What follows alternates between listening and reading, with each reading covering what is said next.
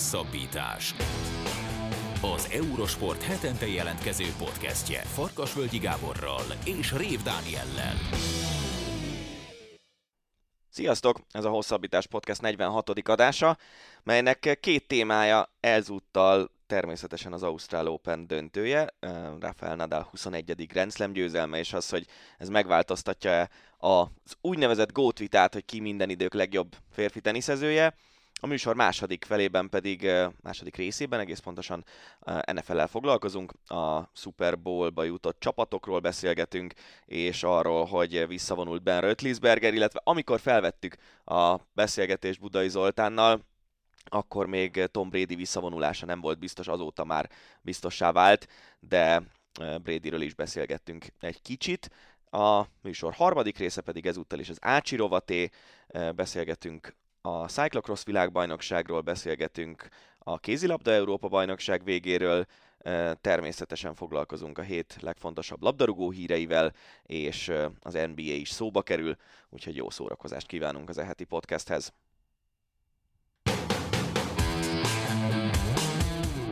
Tenisz.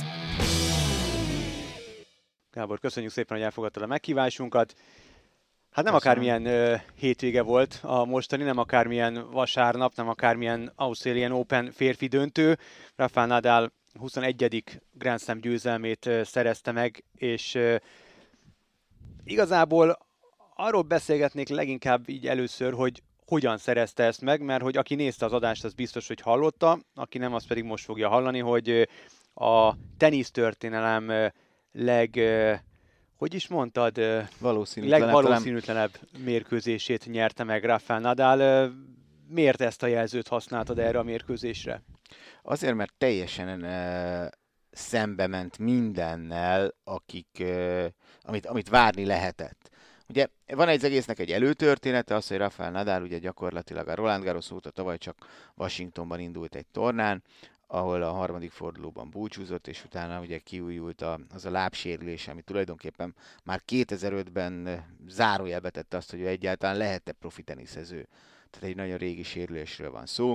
És ugye, hogy az ő karrierje tényleg ez végig kísérte, hogy, hogy jó, hát a teste az, az mennyit enged majd neki, és nagyon sokszor volt, ugye, hogy fél évekre ö, abba kellett hagynia, viszont most azért, vagy hát ki kellett hagynia, most viszont az abbahagyás is ugye szóba került, ő is bevallotta azt, hogy többször beszélgetett a családjával, a stábjával, hogy lehet, hogy itt nincsen folytatás, tehát lehet, hogy az ő karrierjének vége, és nagyjából mindenki ezt is gondolta, tehát nagyon sokan azt, azt vélelmezték, hogy lehet, hogy nem látjuk Rafael Nadal többet.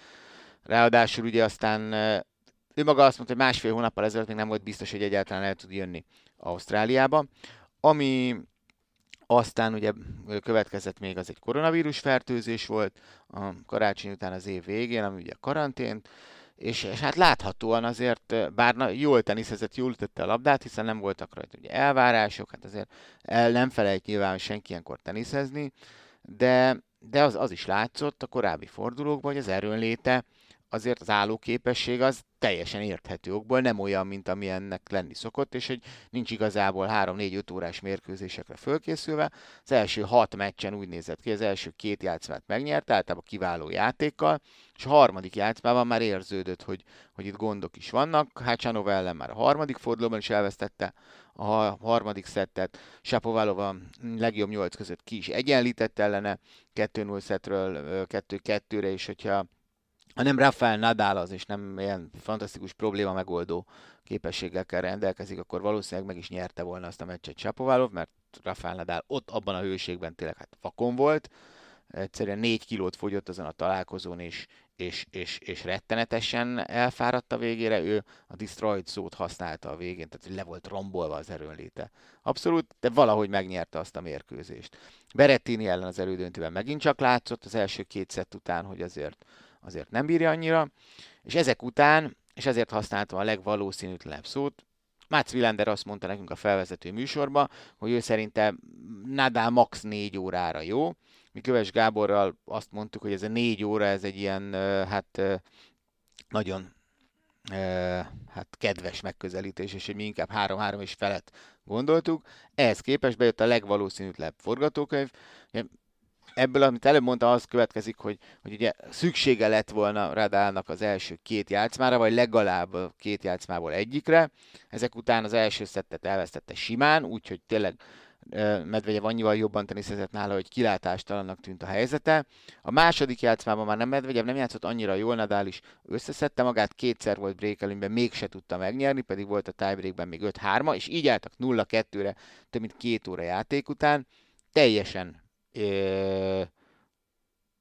egyszerűen azt írta a számítógép, akkor egy 4% esélye van Nadalnak. Mi azt mondtuk, hogy, hogy szerintünk még annyi sincs, hogy nem, nem nyer meg százból négy ilyen meccset Nadal el, Medvegyev ellen, hanem, hanem inkább csak egyet, esetleg kettőt, és aztán végül kiderült, hogy ez egy vagy kettő abból a, abból a négyből, pedig azért a számítógép ilyenkor nem is nem is azt veszi figyelembe, ugye, azzal nem foglalkozik, hogy ki milyen erőben van, hogy mit láttál rajta, hogy elfogyott a harmadik játszmára. Ő azt nézi, hogy ilyen szituációkban, ilyen ranglista helyezésekkel milyen, hányszor szoktak általában fordítani. És, és Rafael Nadal megfordította. Ugye Medvegyevnek volt semmi 40 2-2-nél, ha jól emlékszem, a harmadik játszmában.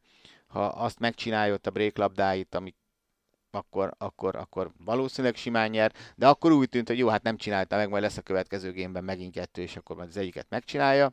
Aztán nem lett. és ö, ő is fegyelmezetlen volt a negyedik szedben, az egyértelmű, de az ötödikben nem.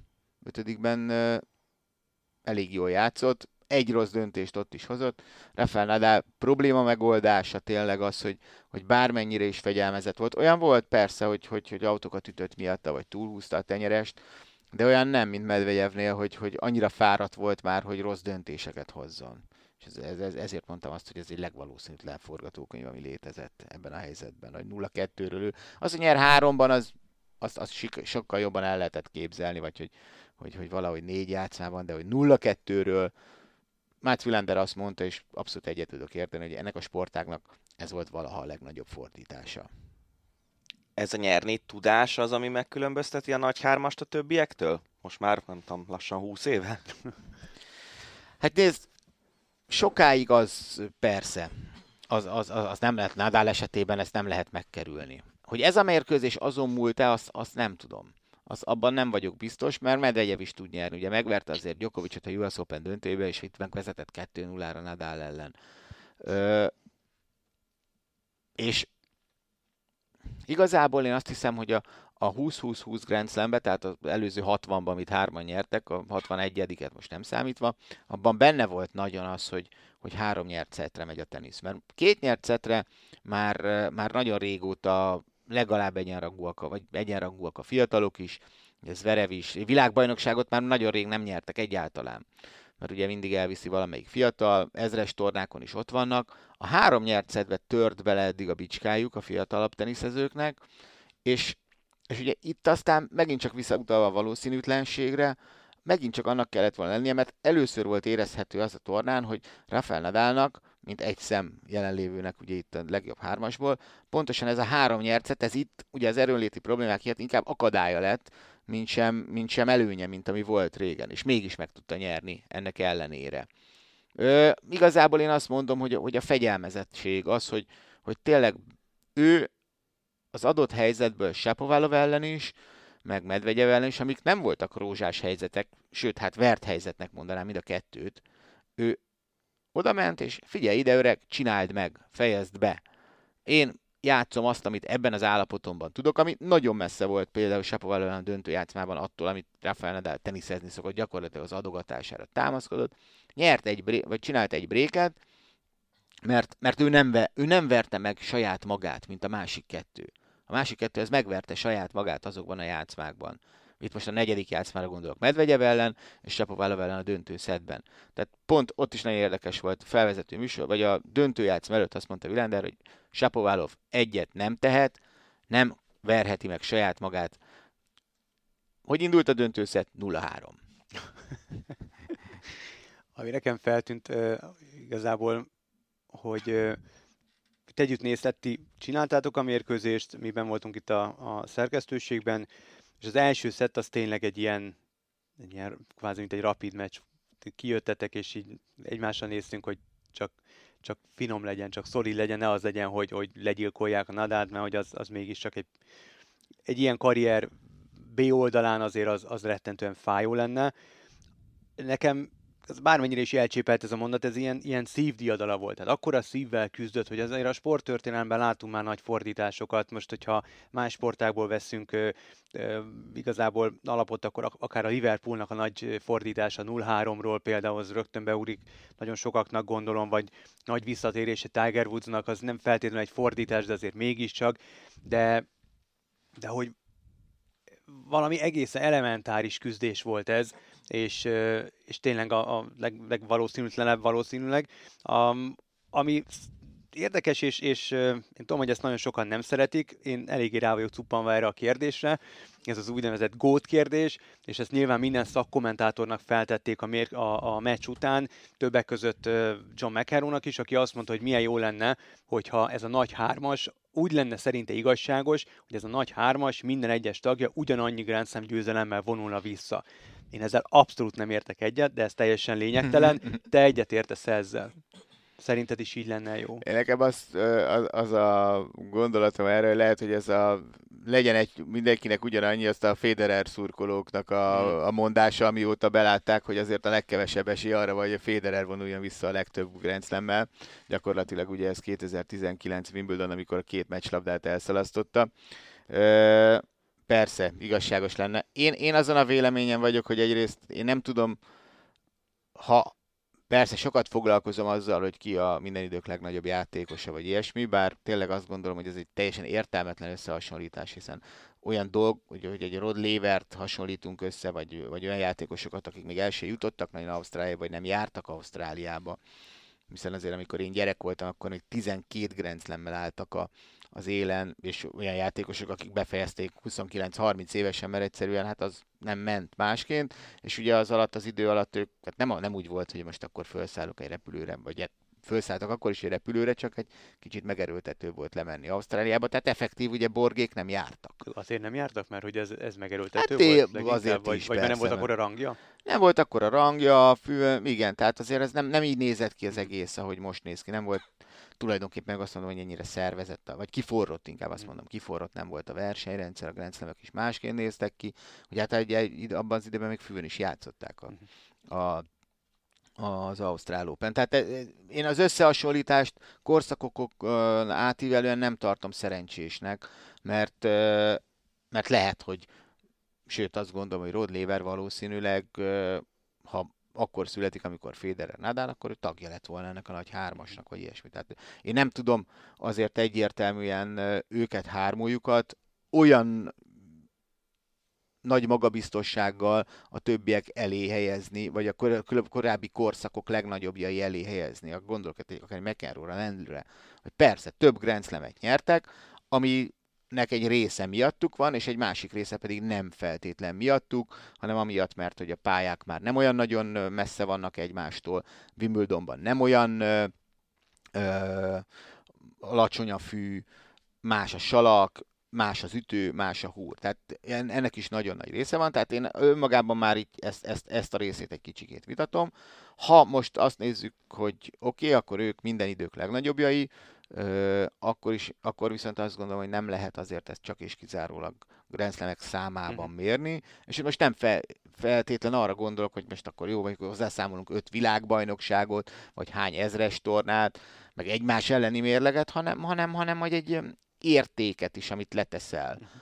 A, én, én, ha, egy, ha tényleg arról beszélünk, hogy ki minden idők legnagyobbja, akkor, akkor, akkor, akkor az én lelkemben az, az, hogy mit adsz a sportágnak, mit adsz a gyerekeknek, milyen példakép, vagy ettől nem tudom én el hat vonatkoztatni ezt, és én nem tudom azt mondani, jó, akkor most Nadal hirtelen ő lett a legnagyobb, mert hogy 21-e van, nem, Rafael Nadal ugyanilyen nagy teniszező volt akkor is, amikor 20 volt. Ez megint egy óriási történet, olyan történet, ami meg volt Federernek 2017-ben itt, és lehet, hogy meg lesz Novák Djokovicnak, vagy hát tulajdonképpen azt mondom, hogy azért Djokovic, amikor 2018-ban nyert Wimbledonban, jó, ő nem hagyta ki effektív úgy azt a fél évet, de majdnem ugyanilyen mélyről jött hm. vissza, tehát mind a háromnak megvannak ezek a sztoriai.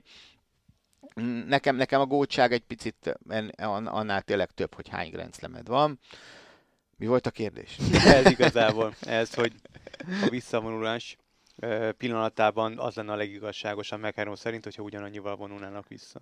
Hát, ez már mindegy. És most a három közül, ha sorrendet felállítasz, hogy ki nyer még, akkor milyen sorrendet állítasz föl? Azt gondolom, hogy Federer van az alján a Hát Federer van az alján, ez nyilvánvaló, hiszen ott pillanatilag a kérdés úgy néz, hogy látjuk-e még játszani. És hát a, a tavaly látott Federerről nem nagyon lehet elképzelni, hogy, az, hogy, hogy azzal a teniszelgrendszermet lehet nyerni. Tehát ott, ott ö, az a kérdés, hogy hát ugye a teste neki megengedi-e még, hogy olyan formában lendüljön, amivel egyáltalán versenyképes lehet, és erre senki nem tudja a választ. Lehet, hogy ő sem. Ugye az, az azért, amikor azt mondta, hogy ő szerinte idén Wimbledonban sem lesz ott, azért az mindenképpen aggasztó. Mert, mert ugye hát augusztus 8-án lesz 41. Úgyhogy azért az, az azért úgy akkor neki, és nem hiszem, hogyha visszajön a US Open-en esetleg meg tudná csinálni ugyanazt, mint 2017-ben, ugye itt Ausztráliában, hogy akkor majd, hogy nem 42 évesen ő lehet-e Wimbledoni bajnok, hát nem tudom, én azért nem, nem tennék rá sok pénzt. Hogy Nadal, Djokovic, meg ez az egész GOAT story, ugye nekem a, a legérdekesebb az egészben, tulajdonképpen 2020 ö, ősze óta, amikor a Roland Garroson utolérte Nadal Federert, és neki is lett ugye 20 Grand Slam, hogy, hogy mennyire gyorsan változnak a dolgok. Mm. Hogy ugye akkor, amikor tényleg én azt hiszem, hogy szak, tenisz szakmailag nézve még egy ennél is lenyűgözőbb teljesítménnyel nagyon megverte Gyokovicsot a Garosz döntőbe ősszel, amikor mindenki azt mondta, hogy, hogy azok a körülmények sokkal inkább fed, kedveznek Gyokovicsnak, mint Nadálnak. Akkor ugye mi volt a helyzet?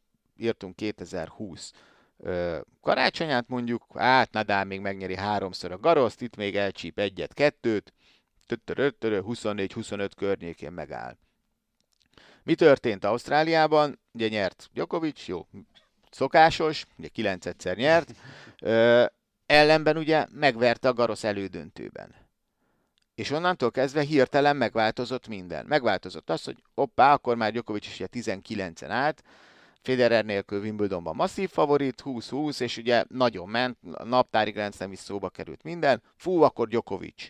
Djokovic biztosan meg se áll 23-24-ig. Mi történt az olimpián? Az olimpián ki gondolta arra, hogy most nagyon-nagyon számít az, hogy ez Verev ellen összetöri az ütőjét az elődöntőben, elveszti a fejét, kikap, de elvesztette azt a meccset, és elvesztette kicsit azért a fonalat is. Nem nyerte meg a US Open, nyilván ott, ott nem 21 volt a tét szerintem, vagy az igazán nagy, hanem ugye a naptári Grand Slam, de nem nyerte meg. Jött ugye az Ausztrál Open, be se engedték el, se indulhatott, még mindig nincs beoltva. Megint úgy nézett ki, hogy jó, hát akkor lehet, hogy itt maradnak 20-nál mindannyian. És aztán egyszer csak tök váratlanul jött, oppá, Nadal megnyert az Ausztrál Open és 21. Tehát, hogy, hogy annyira gyorsan változnak a dolgok, és lehet, hogy fognak még gyorsan változni a dolgok, hogy ebben a változásban valamikor Federer benne tud lenni, arra inkább azt mondom, hogy nem hiszem. Ö, és, és az ilyen, én azt hittem egyéb, én hittem ebben egyébként a 20-20-20-ban, nem annyira azért, mert hogy Federer ugye úgy maradhat bent a kosárban egyaránt, egy, hanem azért, mert, mert ezeknek a korszakoknak azért szokott ö, ilyen nagyon hirtelen vége lenni. Hogy mintha elvágták volna. Uh-huh. Hogy, hogy, hogy egy, amint ami Gyokovicsal történt, hogy ott vagy még a döntőbe, de megvegye, Medvegyev. És tulajdonképpen nem voltunk sokra, hogy ez igaz legyen, mert lehet, hogy, hogyha Medvegyev itt ezt megcsinálja, akkor, akkor, akkor, akkor le tudták volna ezek a fiatalok zárni ezt a korszakot. Úgy, hogy esetleg valamikor majd még valamelyik jön, vagy Nadal a Garoszon, vagy Djokovic jövőre itt Ausztráliába, és elcsíp egyet-egyet, de már nem négyről, ötről beszélnénk, amit még nyerhet. Térjünk át a nőkre, mert hogy ugye Ashley Barty nyert uh, 44 év után Ausztrálként, ami egy elképesztő sorozatot, rossz sorozatot zárt le. Barty teniszéről mit érdemes tudni?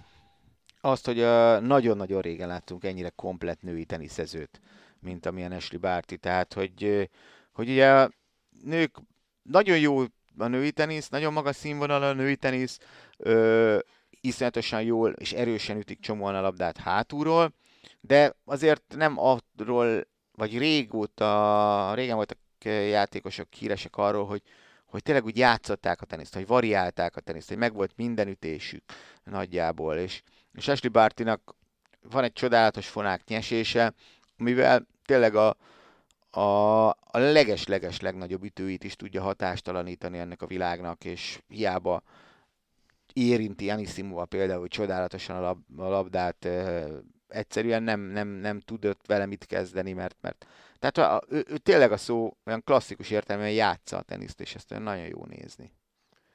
Amit szerintem feltétlenül ki kéne emelni mindkét győztessel kapcsolatban, hogy milyen végtelen szerénység jellemzi őket. Tehát két ilyen nagy bajnok, azért Esbártit is nyugodtan nevezhetjük nagy bajnoknak, de hogy milyen szerényen veszik tudomásul egy-egy győzelmet, kettő meg valamelyik nap, pár hete futottam bele egy ilyen YouTube videóba, hogy Nico Rosbergnek mutatta be a jachtját Rafael Nadal.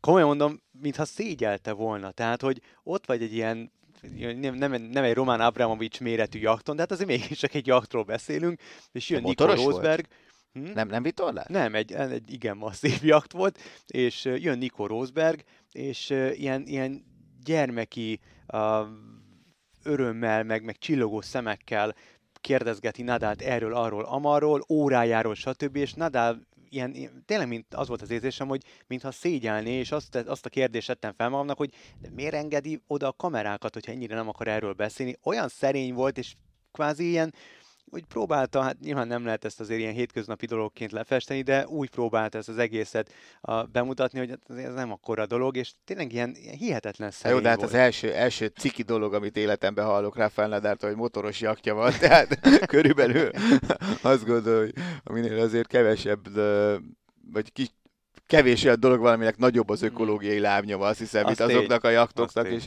és tulajdonképpen szinte az az egyetlen, ami így azt mondom neked, hogy nem illeszkedik ebbe a mm. képbe, hogy, hogy, hogy, hogy, hogy, hogy ő, bár szerintem van vitorlása is.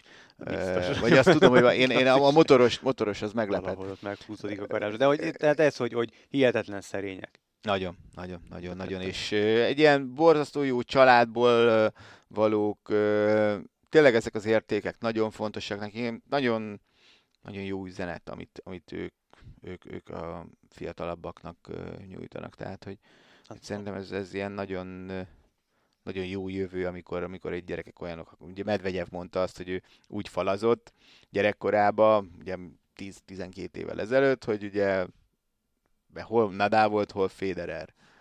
és azért, azért ez így nem, van, vannak ilyen sztorik persze teniszben, hogy aztán ott állsz a példaképed ellen egy Grand Slam döntőbe, de, és Djokovic nem sértődött meg erre a mondatra?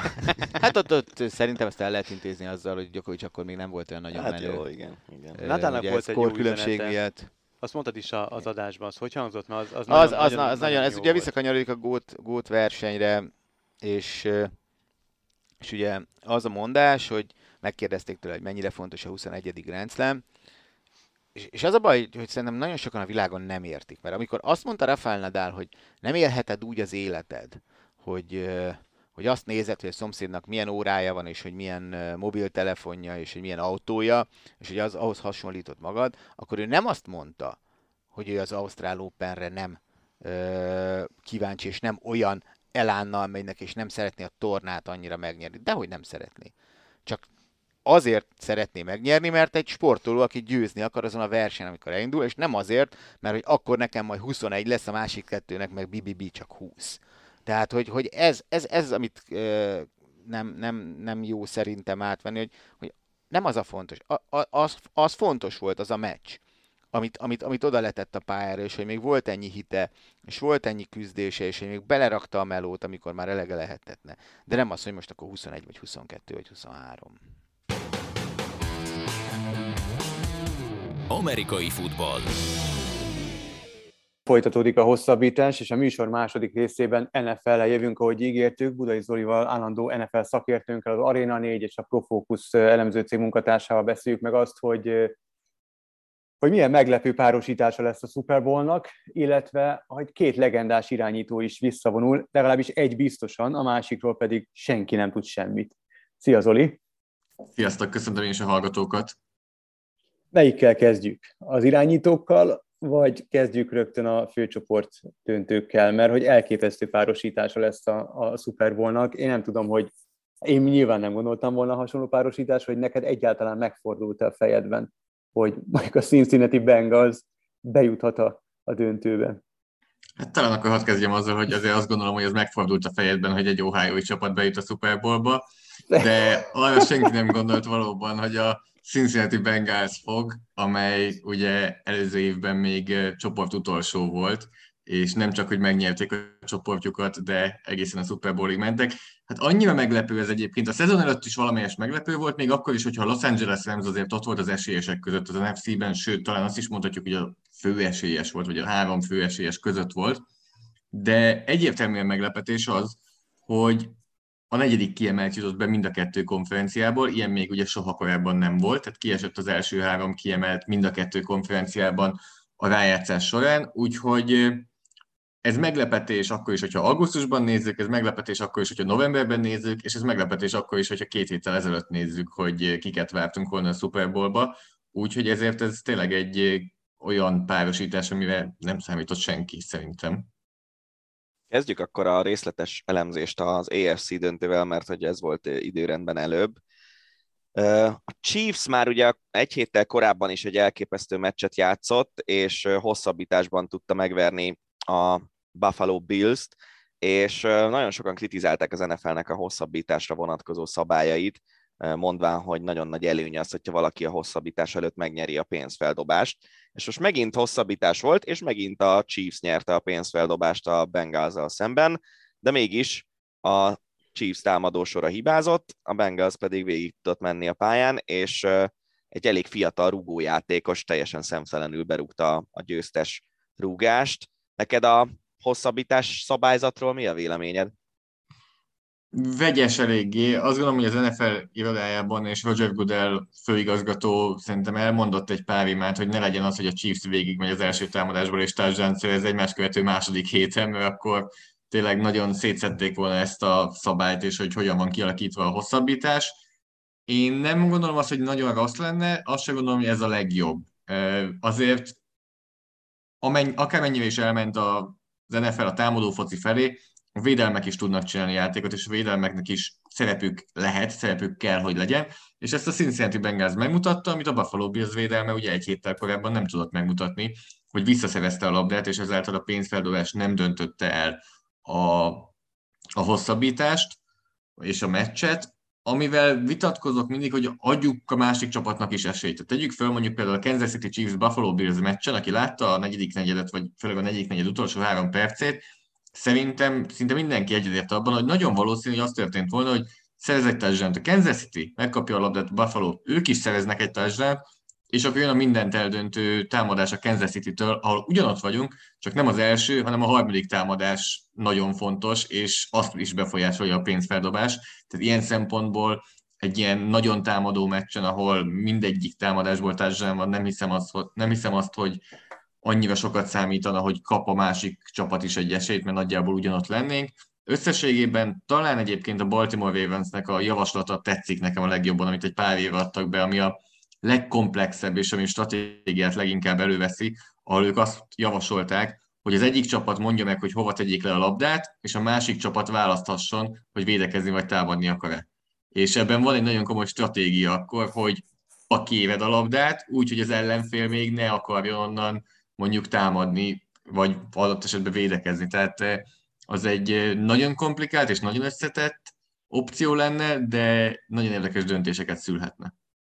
Ha a Super Bowlról beszélünk, és eh, a két főszereplőről, akkor pont azon gondolkodtam, hogy mennyire érdekes, akár a Bengals, akár a Rams irányító szempontból, hogy adva van egy nagyon fiatal srác, aki az előző szezonban ugye megsérült, egy komoly térsérülés, most visszajött és rögtön Super vezeti a csapatát, nyilván nem egyedüli tagként kellett mögé a csapat, ez egyértelmű, de hogy ez az egész történet, ami, ami így a, a, az utóbbi egy-másfél évben őt övezte, az, az legalábbis hát elég szerencsétlen, aztán milyen szerencsés vonulata lett az egész sztorinak, illetve a másik oldalon megadva a Matt Stafford, aki ő már ő nem annyira fiatal, mint, mint Burrow, de hogy ugye ő meg a, a Lions játékosa volt, és ő folyamatosan csak veszített, és hát én nem tudom, hogy, hogy nálunk az a Dani a, a, az NFL szaki, és, és ő szokott nekem állandóan mondani mindenféle olyan hírt, ami esetleg nem feltétlenül jutott el hozzám, de hát, hogy őt azért többször cikizték így a, a szurkolók is, miután, hogy, miután ő nem, nem, nem feltétlenül egy ilyen nyertes csapatnak volt a tagja, most ő is Super Bowlban van, tehát két ilyen teljesen ilyen, hogy mondják ezt, ilyen, ilyen csipkerózsika sztori az övéké? Hogy ki gondolta volna, hogy, hogy ők, ők bejutnak majd a, a Super Bowl csapataikkal, ők dönt, tehát rajtuk áll majd ő, ők, ez a két irányító döntheti majd el a Super Bowl-t, vagy, vagy azért ez annál sokkal komplexebb? Azt gondolom, hogy eléggé nagy részben igen, tehát ők dönthetik el ezt a Super Bowl-t. Hogyha Joe Burrow történetét megnézzük, akkor még nagyobb történet, és még inkább tündérmesébe illik, hogy őt annó az Ohio State Egyetemről szinte elküldték, vagy nem kapott játék lehetőséget, és ezért ment el az LSU Egyetemre, ahol sztár lett belőle, de ugyanakkor például mostanra annyiban vitatkoznék vele, hogy mostanra a Burrow helyzete, én nálam nem annyira tündérmese, hanem mhm. ő ugye egy per egyes választott volt nagy elvárásokkal, valóban a sérülés az befolyásolhatta volna egy kicsit a karrierjét, de ezért az elmúlt 10-15 évben látjuk, hogy még olyan játékosoknál sem igazán befolyásoló tényező egy ilyen térszalagszakadás, akik sokkal komolyabb irányváltásokra vannak kényszerítve, mint elkapók vagy futójátékosok. Tehát várható volt azért, hogy Joe Burrow ebből vissza fog majd tudni jönni, és vissza is jött, illetve Burrownak olyan szintű önbizalma van, és annyira elképzelhetetlennek tűnik most már, hogy ő megilletődjön bármilyen szituációban, hogy nehéz róla úgy beszélni, mint a, a szevény vesztes, vagy a szimpatikus vesztes, aki, aki emiatt szimpatikus valakinek. Abszolút szimpatikus lehet, és nekem is az, hogy ennyire magabiztos, és hogy a magabiztosságát az mindig mögé tud tenni egy olyan teljesítményt, amiért ő joggal tud magabiztos lenni, hiszen ez nagyon könnyen át tudna ütni egy más megítélésbe ez a fajta viselkedése, hogyha nem jönnének a sikerek a pályán. Ilyen szempontból elnézést, megint egy másik ohio csapat irányítója jut valamelyest az eszembe, ahol egy kicsit... A régi vagy az új? A, Johnny a, Football vagy, vagy, a régi, vagy Baker? Vagy most a mostani, igen, a Baker uh-huh. Mayfield. Matthew Stafford pedig egy megfoghatatlan játékos szerintem nagyon sokaknak. Nyilván nagyon könnyű, és mindenki verdiktet akar mondani, hogy most jó vagy rossz, de mivel hogy egy ilyen Detroitban volt, így jóformán nem lehetett megítélni a teljesítményét. Tehát nem mhm. lehetett értékelni a teljesítményét, hogy ez most jó vagy rossz, mert annyira gyenge csapat volt körülötte éveken át, és valószínűleg valahol középen van, szerintem a jó alján, hogy így, hogyha így lehet fogalmazni, a középmezőny teteje, vagy inkább már a jó irányító csoportjának az alján található, de amit a rájátszásban nyújtott például az egészen hihetetlen. Tehát a tegnapi meccsen is nagyon-nagyon jól játszott ugye a San Francisco 49ers ellen, és ő volt a legjobb játékos a pályán, és ő vitte előre a csapatot, egy nagyon jó rájátszást rakott össze egy előre Matthew Stafford. A Bengals kapcsán talán a legérdekesebb dolog az az, hogy mindig beszélünk arról, hogy az NFL az egy ilyen folyamatosan változó liga, és így is van kitalálva az egész a fizetési sapkával azzal, hogy a legjobb játékosokat a draftról a leggyengébb csapatok vihetik el, de azért az, hogy kettő év alatt egy 2-14-es csapatból, amely a leggyengébb volt abban az évben a ligában, és amely ennek köszönhetően kiválaszthatta Joe Burrow-t a drafton, első választottként, kettő év alatt sikerül fölépíteni egy Super Bowl csapatot, azért ez egy olyan fordulat, ami még az NFL-ben is elég ritkának mondható, nem?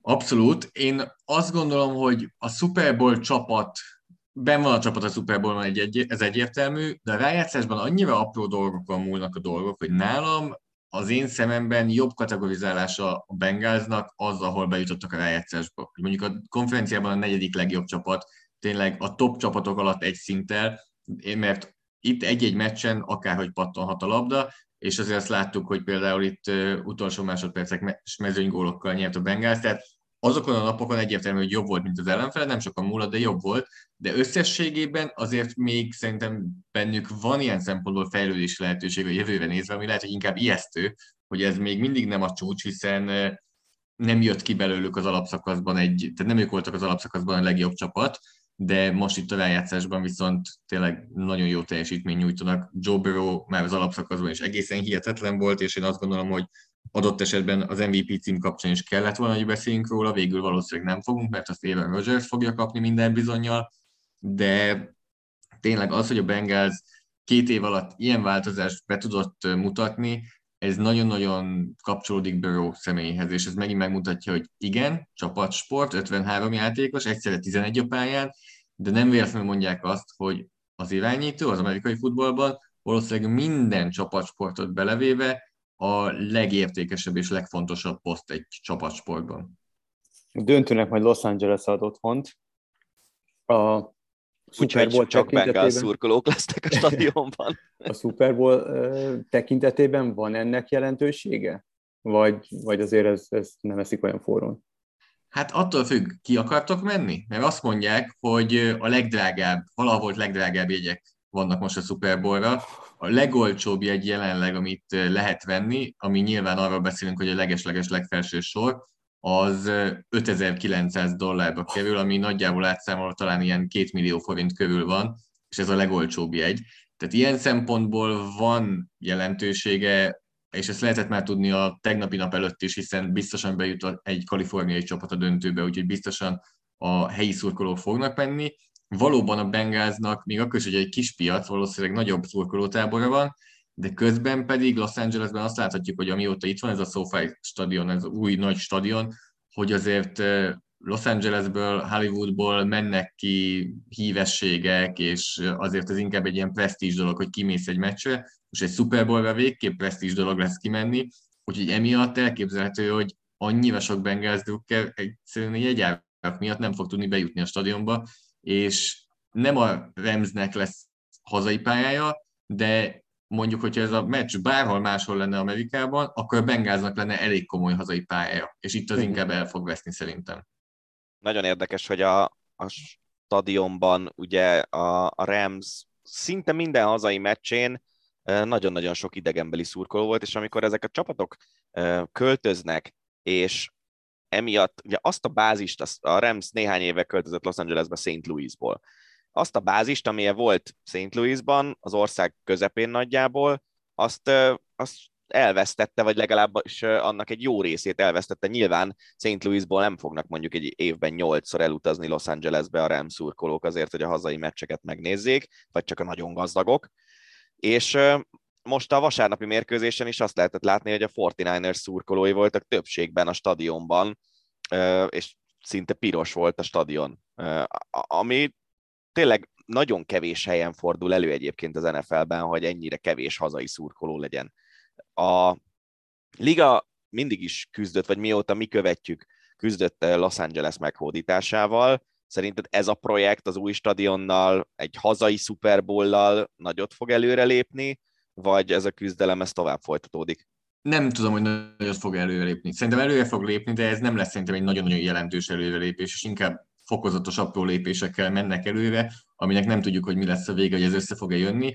Amikor én három éve kim voltam Atlantában a New England Patriots Los Angeles Rams Super Bowl-on, az volt számomra ilyen szempontból egy nagyon, nagyon sokkoló élmény abból a szempontból, hogy a New England Patriots 20 éven belül a 9. Super Bowl-jára készült, és a 6. nyertes Super Bowl-jára készült. Ez azt gondolná az ember, hogy valamelyest a New England szurkolók már nem annyira lelkesek, és sokkal lelkesebbek lesznek mondjuk a Los Angeles Rams drukkerei. Ehhez képest a stadionban nagyjából 90-10 arányban New England Patriots drukkerek voltak, és óriási hazai pályája volt a New Englandnek. Tehát ez számomra mindennél jobban megmutatja, hogy mennyire nem alakult ki ez a kötődés a Rams drukkereknél az lehet, hogy ha itt van a meccs most tőlem két sarokra, ami mondjuk Los Angelesben még mindig mondjuk 40 perc kocsival, de hogyha ennyire közel van hozzám a meccs, akkor kimegyek, de annyira viszont nem érzem azt, hogy támogatnák ezt a csapatot, és én nem vagyok benne biztos, hogy ez bármikor meg fog történni. Tehát itt nagyon sokan mondják azt, hogy adott esetben egy Los Angeles Lakersnek vagy Clippersnek sokkal biztosabb bázisa van, hogy a USC a egyetemnek, amelyiknek van amerikai futballcsapata, ami legendásnak mondható talán, annak is sokkal nagyobb bázisa van, úgyhogy abszolút küzdenek, főleg úgy, hogy ugye kettő csapat van, hiszen a Chargers is ott van, bár a Chargers egyértelműen a kis, test, kis testvér szerepével korlátozódik. Lassacskán letelik a beszélgetésre felhasználható időnk, úgyhogy mindenképpen kell beszélni a két legendás irányítóra, akiknek a visszavonulását, hát az egyikét bejelentették, az természetesen tiszta sorban Rötisberger szögre akasztja a stoplist, és visszavonul, mint a Pittsburgh Steelers egyik legendás irányítója. A másik pedig Tom Brady, akivel kapcsolatban a hét elején megjelentek a hírek, aki követték el az Instagramon, te is nagyon szépen elbúcsúztál tőle, meg mindenki más, de aztán ugye jöttek a cáfolatok, hogy mégsem vonul vissza, sőt, nem tudja senki sem, hogy miről van szó. Ugye az egyik legnagyobb NFL szakíró szellőztette meg a visszavonulását, aztán utána lehetett hallani Brady menedzseréről, hogy ezt sem megerősíteni, sem cáfolni nem tudja. Ma pedig a legfrissebb hír az, hogy Brady jelezte a Bucksnak, a Tampa Bay csapatának, hogy ez ágában sincsen még a visszavonulásról beszélni.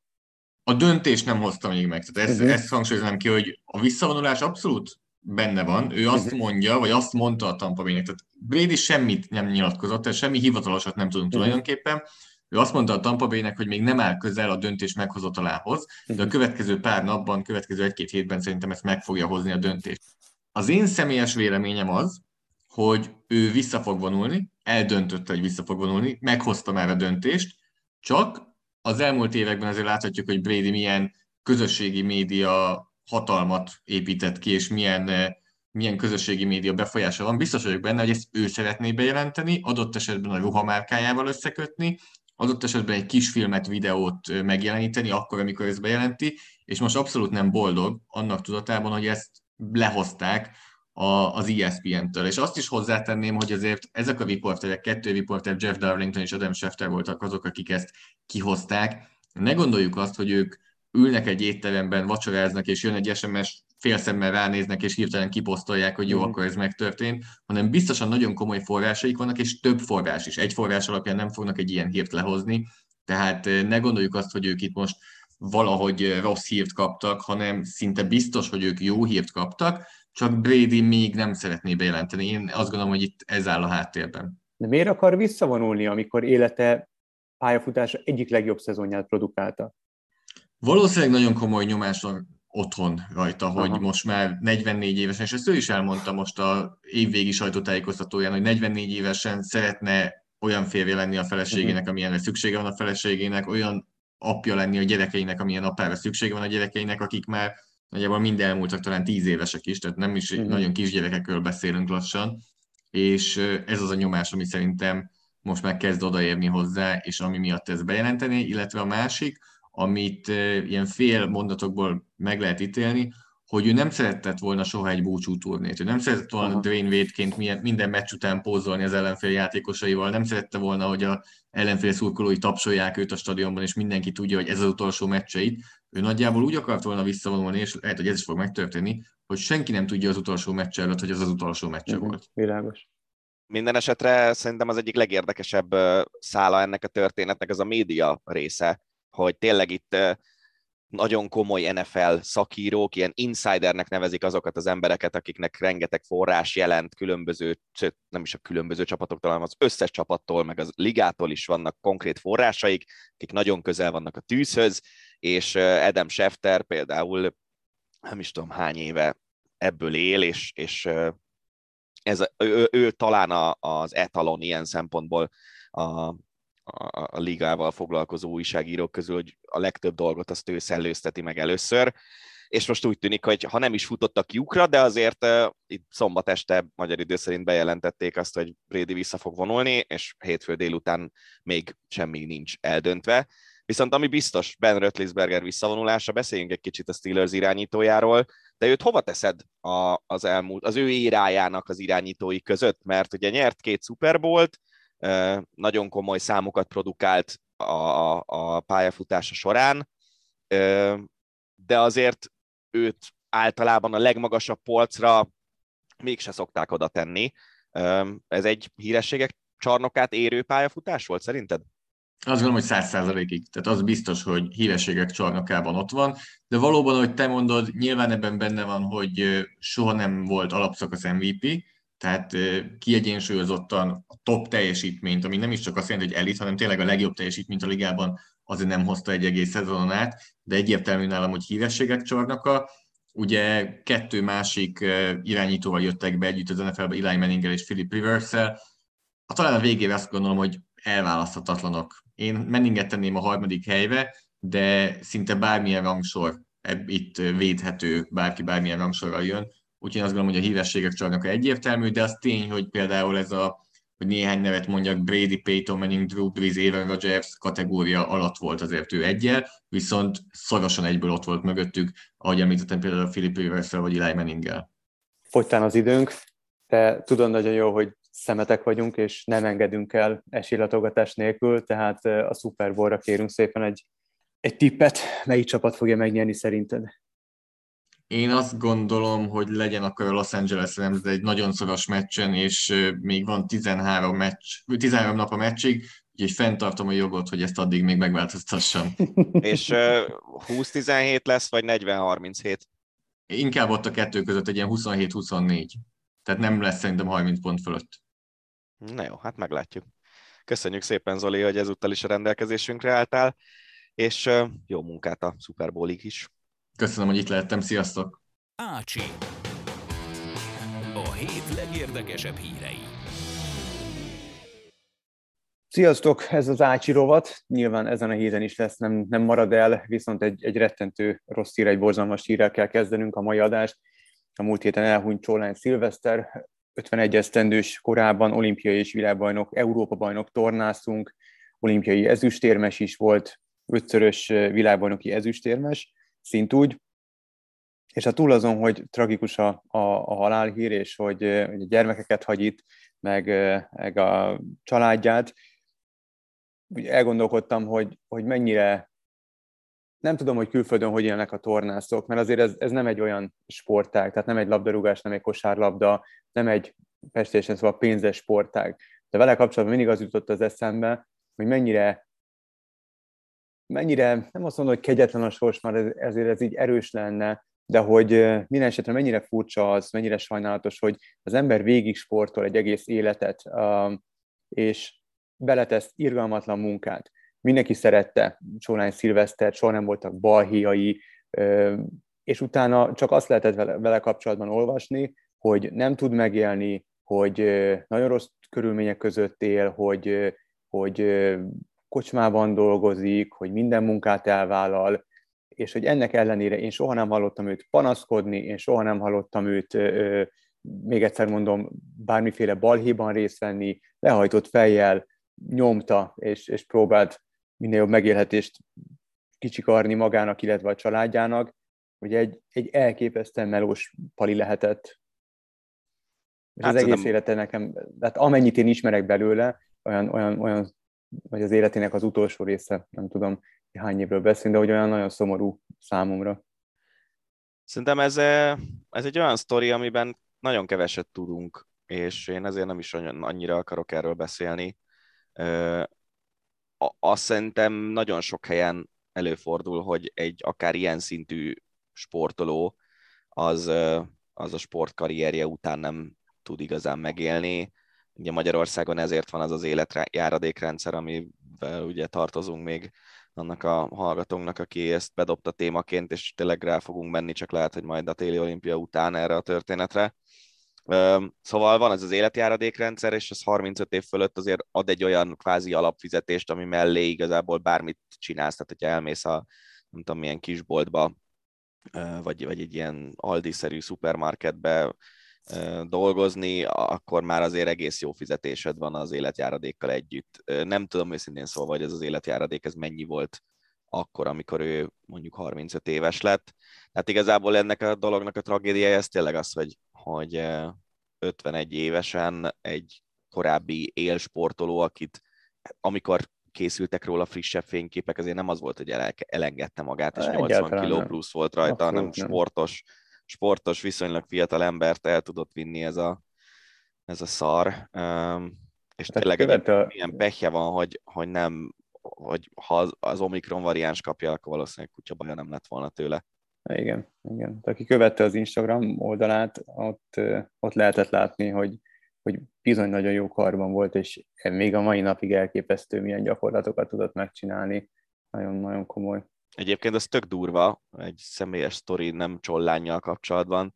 Akkor giműbe jártam, csak hogy ha ezeket a dolgokat megtanulod megcsinálni, akkor milyen szinten benned marad. Uh-huh. Testnevelő tanárunk egy, hát akkor szerintem ilyen 60 körüli uh, iszonyú erős csávó volt, és azt mondta, hogy kihívja az egész osztályt, úgy volt, hogy az ások bések együtt uh, tesisztünk, uh-huh. és ez azt jelenti, hogy volt, mit tudom én, 25-30 fiú, hogy kihívja az egész osztályt saslengő versenyre. A, a korlát egyik végén ő csinálja folyamatosan a saslengéseket, a másik végén meg mi váltjuk egymást Azt a... 20 valahánya.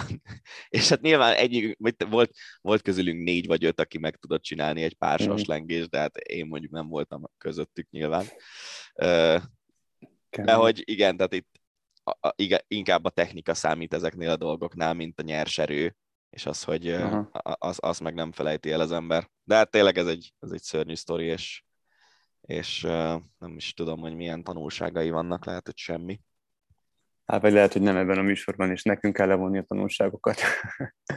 Viszont a következő történet sem túl szívderítő, sőt, anélkül, hogy tudnánk, hogy valóban mi történt, a, a jelenlegi tényállást közöljük ma hétfő van, amikor fölvesszük ezt a podcastet, és vasárnapi hír, hogy Mason Greenwood állítólag bántalmazta volt barátnőjét, az ex-barátnő egy felvételt és több képet tett ki a közösségi média különböző platformjára, amelyek arról tanúskodnak, hogy a Manchester United játékosa valóban erőszakoskodhatott vele, vagy valaki valóban abuzálhatta.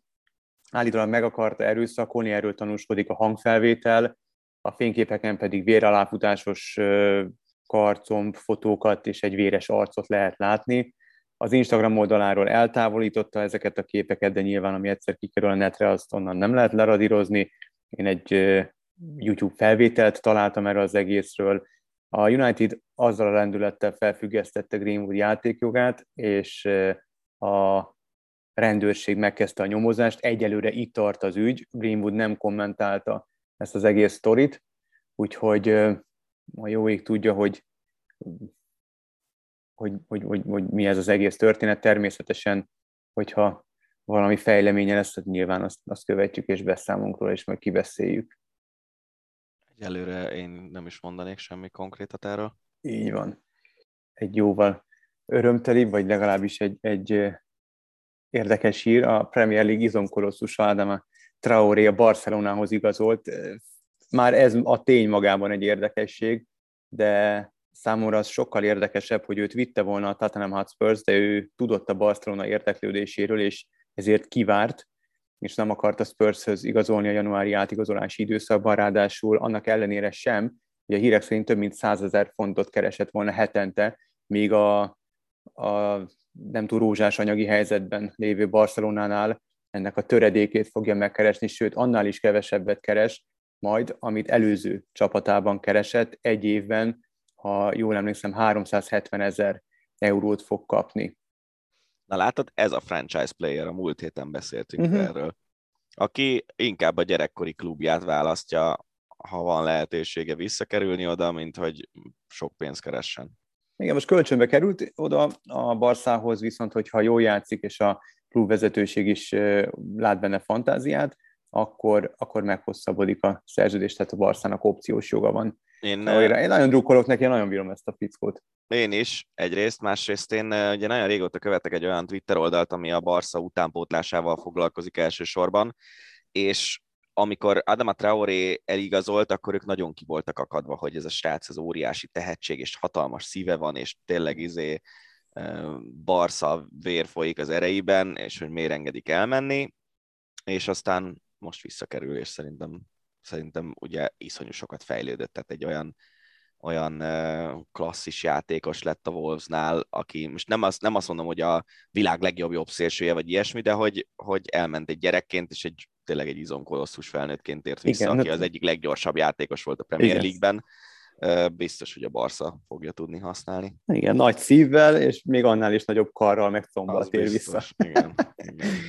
A Lipcse a labdarúgó klubja bírósághoz fordul, mert a koronavírus járvány miatti korlátozások következtében a 47 ezer néző befogadására alkalmas stadionjában csupán ezer szurkolót fogadhat hazai mérkőzésen. Ugye Ulácsi Péter és Szoboszai Dominik, valamint Viri Orbán klubjáról beszélünk. A... Tudod, mi lesz ebből?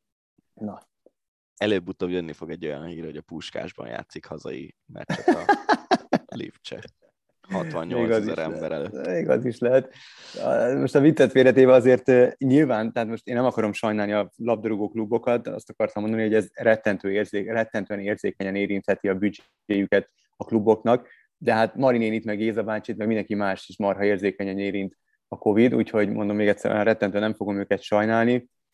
Ettől Én szerintem ez egy teljesen veszett ügy, vagy nem tudom elképzelni, Na, hogy, hogy ha van egy helyi egészségügyi hatóság, annak van egy rendelete, akkor azt egy klub vagy, vagy egy bárki lényegében azt megtámadhatja, és azt nyertesen kijöhet egy ilyen ügyből szerintem. De biztos vannak azok a jogászok. Van egy, egy amerikai szakíró, akit szoktam néha idézni, Andrew Brandt, aki az NFL-ben ilyen játékos ügynök volt, meg csapatnál volt, volt ilyen Vice President of Football Operations, tehát magyarul ő alá tartozott, az, a, az volt a feladata lényegében, hogy a, a Green Bay Packersnek a gazdasági részét azt ő vitte, uh-huh. neki kellett kigazdálkodni a fizetési plafont, meg ilyesmi, és ő, ő szokott megosztani híreket a Twitteren, annyi kommentel, hogy there will be lawyers, Amerikában ugye ennek elég komoly kultúrája van, hogy az ügyvédek azok megjelennek 8-10 vagy még többen egy ilyen, egy ilyen nagy tárgyalásnál, és itt is ezt tudom mondani, hogy biztos az ügyvédek jól járnak ezzel az ügyjel, de hmm. nem tudom elképzelni, hogy egy ilyen egészségügyi hatósági döntés meg lehessen támadni, és nyerni lehessen. Igen, mert a munkaórákat kiszámláznak. Az biztos. Sok időt el nem, nem kevés, tölteni. nem kevés órabérrel dolgoznak szerintem Németországban se az ügyvédek. Igen, igen. Vissza Angliába a Premier League-ben szereplő Brentford nemzetközi engedéllyel az év végéig szerző, majd az idén végéig szerződtette Christian Eriksen, és van egy záradék, egy opciós joga a klubnak, hogy egy éve meghosszabbíthatja a szerződését. Tehát nagyon sokat beszéltünk már Christian Eriksenről, ugye ő az, akinek leállt a szíve a labdarúgó Európa bajnokságon, Dán válogatott klasszisa, és valahányszor hírbe hozzák a visszatérését. Én állandóan azt mondom, hogy én, én nagyon fázom ettől az egész sztoritól, és nem tudom megérteni. Nyilván sosem voltam még profi sportoló, sportoló, de, de apa vagyok, vannak gyerekeim, és vannak neki is, és anélkül, hogy bírálnám, szó nincs erről, nekik ez a saját döntése, de, de hát én nem tudom. Ez, ez nagyon, nagyon, nagyon merész. Ezt, ezt már megbeszéltük szerintem párszor, nekem mindig ez a, a, az ilyen magashegyi alpinisták, akik a Himalájában másznak hegycsúcsokat, vagy szeretnének, ő, ők jutnak eszembe, hogy ők is olyanok, hogy oké, okay, hogy otthon várja a gyerek, és tudja, hogy bőven benne van az, hogy nem jön haza, mm. és mégis csinálja, mert ő, ő neki ez az élete, szerintem Eriksennek is valószínűleg a foci az élete, és bízom benne, hogy azért most már tartott az orvostudomány, hogy tényleg beültették ezt a szívleállás gátlót, vagy Igen, nem is tudom mi, mi a konkrét történet, de valami ilyesmi, és hogy ez jól fog tudni működni, és nem történik meg még egyszer, mert szerintem azt hát, senki remélem. nem akarja még egyszer végignézni, meg Na. főleg a család megélni még egyszer ugyanazt. Így van, így van maradunk még mindig a Premier League-nél. Egy magyar vonatkozású, a Manchester City-t is működtető City Group szerződtette Mancsa Zalánt. Ugye Zaláról már beszéltünk korábban. Amikor hát én azt gondolom, egész Foga, hogy itt az egész magyar sajtóban mi hoztuk ezt a sztorit először, vagy hát te, mert ez, ez a te érdemed, ezt el kell ismerni.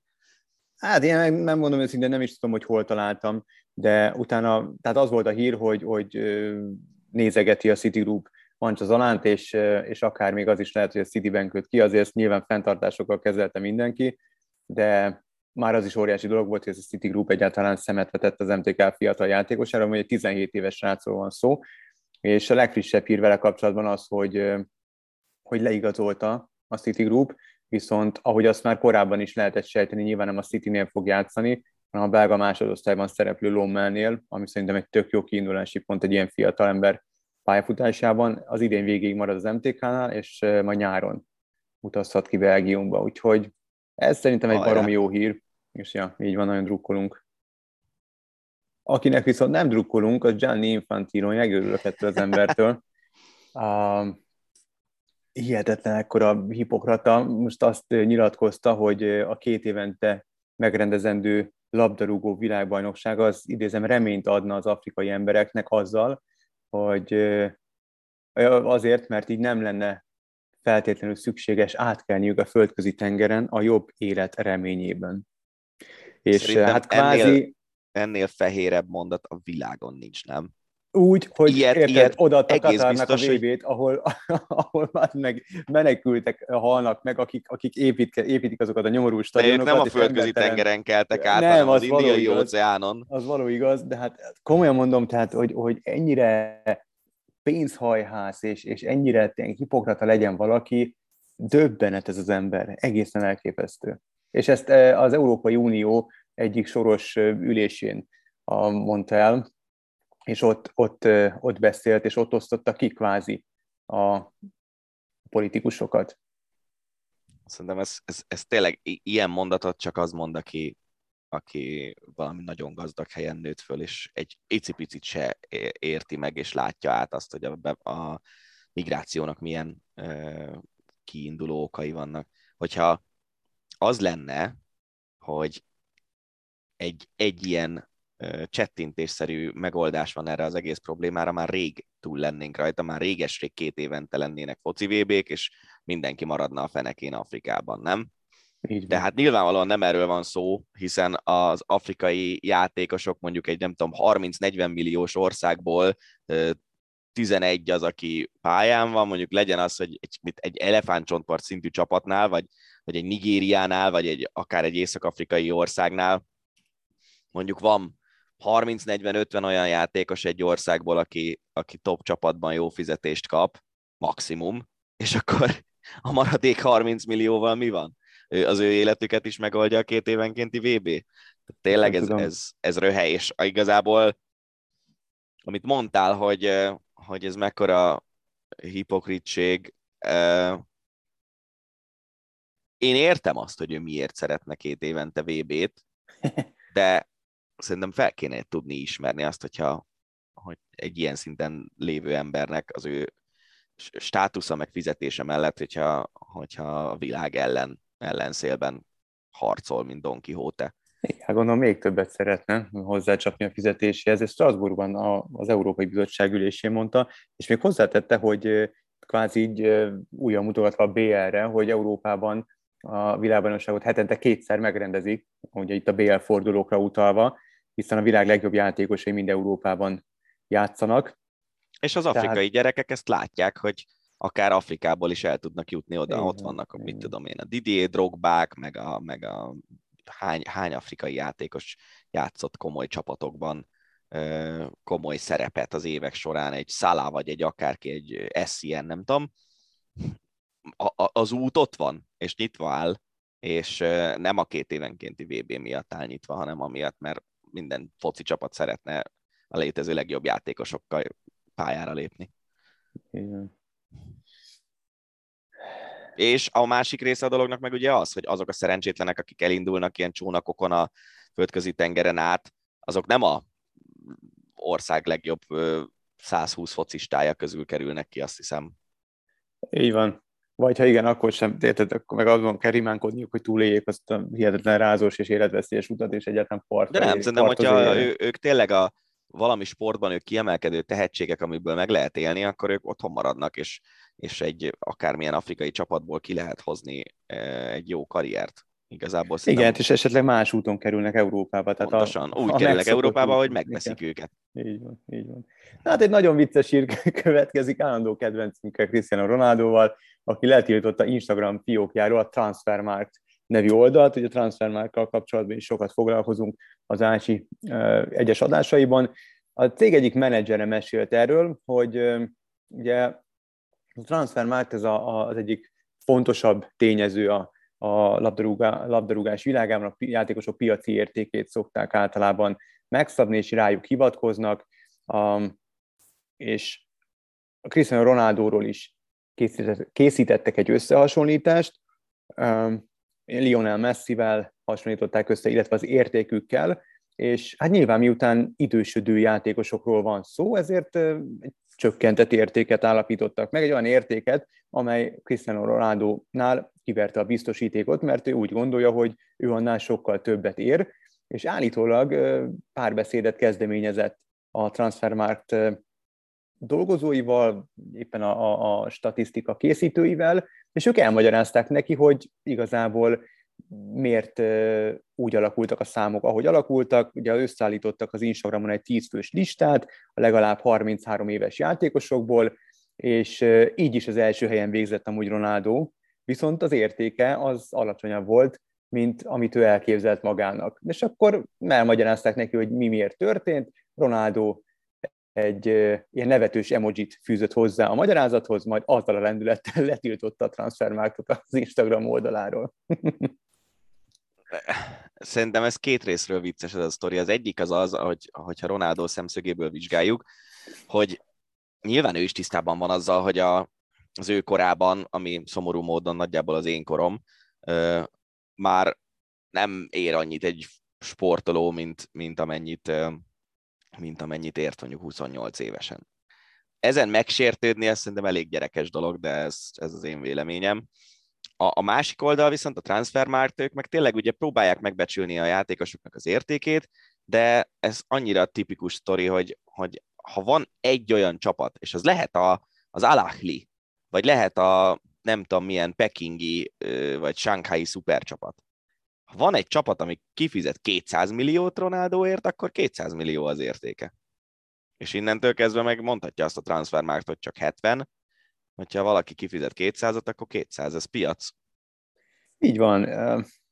Nem tudom, én mindig azon agyalok ilyenkor, hogy az ilyen nagyságok, mint, mint mondjuk Ronaldo, miért kell ilyenekkel foglalkozni? Tehát, hogy tényleg nagyra becsülöm Nem neki az egóját sérti ez a dolog. Én értem, de az összes ilyen nagy sportolónak hatalmas egója van. Itt az intelligenciáról van szerintem szó. Szóval szerintem... meg LeBron James-t, ő soha nem foglalkozik ezekkel. Tehát van ez a Skip Bayless nevezetű ö, újságíró, aki már nálunk azért jóval idősebb, és egy elég komoly szaktekintélynek ö, tartja mindenki, joggal, de ő például egy óriási héter, de szerintem nem igazán, minden esetre ő azért keményen beleszáll folyamatosan LeBronban folyamatosan ignorálja, tehát a szájára nem veszi, nem érdekli. Ugyanez mondjuk Nadal esetében is hallottad valaha megnyilatkozni negatívan Nadal vagy Federer. Tehát Igen, nem értem, hogy... Volt olyan újságíró, akire Nadal kiakadt nagyon. Igen. Aha. Volt ilyen, nem emlékszem már, mikor, meg hol. Oké, okay, de... de... az lehet, hogy jogos. Na mindegy, nem tudom, én nem emlékszem, tehát nem, nem mondom. E, ezt, ebben a sztoriban, de figyelj, tehát, ha jogos, Cristiano Ronaldo-nak... ki, de hogy ez ez annyira banális, nem? Tehát ez annyira, annyira rangon aluli egy, egy Cristiano ronaldo De pont ez az, hogy szerintem Cristiano Ronaldo-nak van a legnagyobb egója ezek közül a nevek közül, akiket uh-huh. itt mhm. felsoroltál. Tehát ő az, akinek saját ö, ünneplés kellett, amit aztán ugye az ausztrálok a Kyrioszék meccsén ö, utánoznak, meg nem tudom mi. Ö, ő az, akinek szobrai vannak, ő az, aki tehát LeBron Jamesnek van szobra? Szerintem nincsen. nincsen. Nem tudok róla. Nem. Me- Messi szoborról se nagyon tudok. Ronaldónak már van legalább kettő. Ja, és ja. tehát, hogy szerintem ezek, ezek a dolgok, én számomra minden jel arra mutat, hogy Ronaldónak jóval nagyobb egója van annál, mint ami, mint ami ezen a szintjén a sportnak megszokott. És, és aztán lehet, hogy nincs igazam, de, de a, a jelek erre mutatnak szerintem. Nem tudom, hogy ezekben a, a szobrokhoz neki mennyi köze van.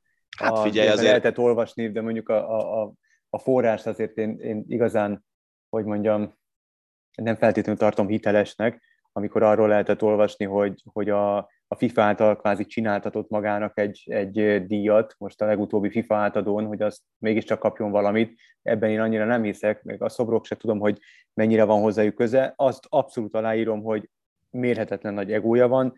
Nagyon sokszor mondjuk azt, hogy ilyen szintre, ahogy, ahol ezek a szupersztárok, gigasztárok vannak, oda, oda kell, hogy, hogy ilyen fokú egóval rendelkezzen az ember, hogy egyáltalán eljusson. De nem biztos, hogy ilyen fokú De... van. Tehát igen, van, igen, kell igen. egy szintű ego, abban biztos vagyok, hogy kell egy szintű ego, hogy elhidd, hogy te vagy a legjobb a világom, és ezt meg is akar mutatni, és, és képes is legyél rá, ez nagyon hm. komoly ego kell én abban majdnem, majdnem biztos vagyok, hogyha ő megtudta, amikor ő megtudta, hogy mondjuk Funchálban, ahonnan származik, szobrot akarnak neki avatni, hogyha odaszól, hogy srácok, nem már, uh-huh. legalább várjuk meg, míg visszavonulok, vagy ilyesmi. Uh-huh akkor biztos, hogy ezt el lehetett volna napolni. Tehát én, én azt gondolom, hogy ez így működhet, aztán persze sose hívtak még föl azzal, hogy szólott akarnak róla majd hívunk, Dani, majd hívunk, amikor a jó. kézilabda karrieredet abba hagyod. Hát az még ki tudja hány év. ja, értem. egész jól esett értem. a mozgás, úgyhogy még már, már sokszor gondolkoztam azon, hogy lassan abba kéne hagyni, mert már sokszor fáj, meg ilyenek, de, de tegnap egész jól esett, úgyhogy most elnapoltam magamban ezt a no, dolgot. helyes, jó van, akkor fellélegzett egy emberként a Budapest bajnokság, nem tudom, hogy osztálya. Így van.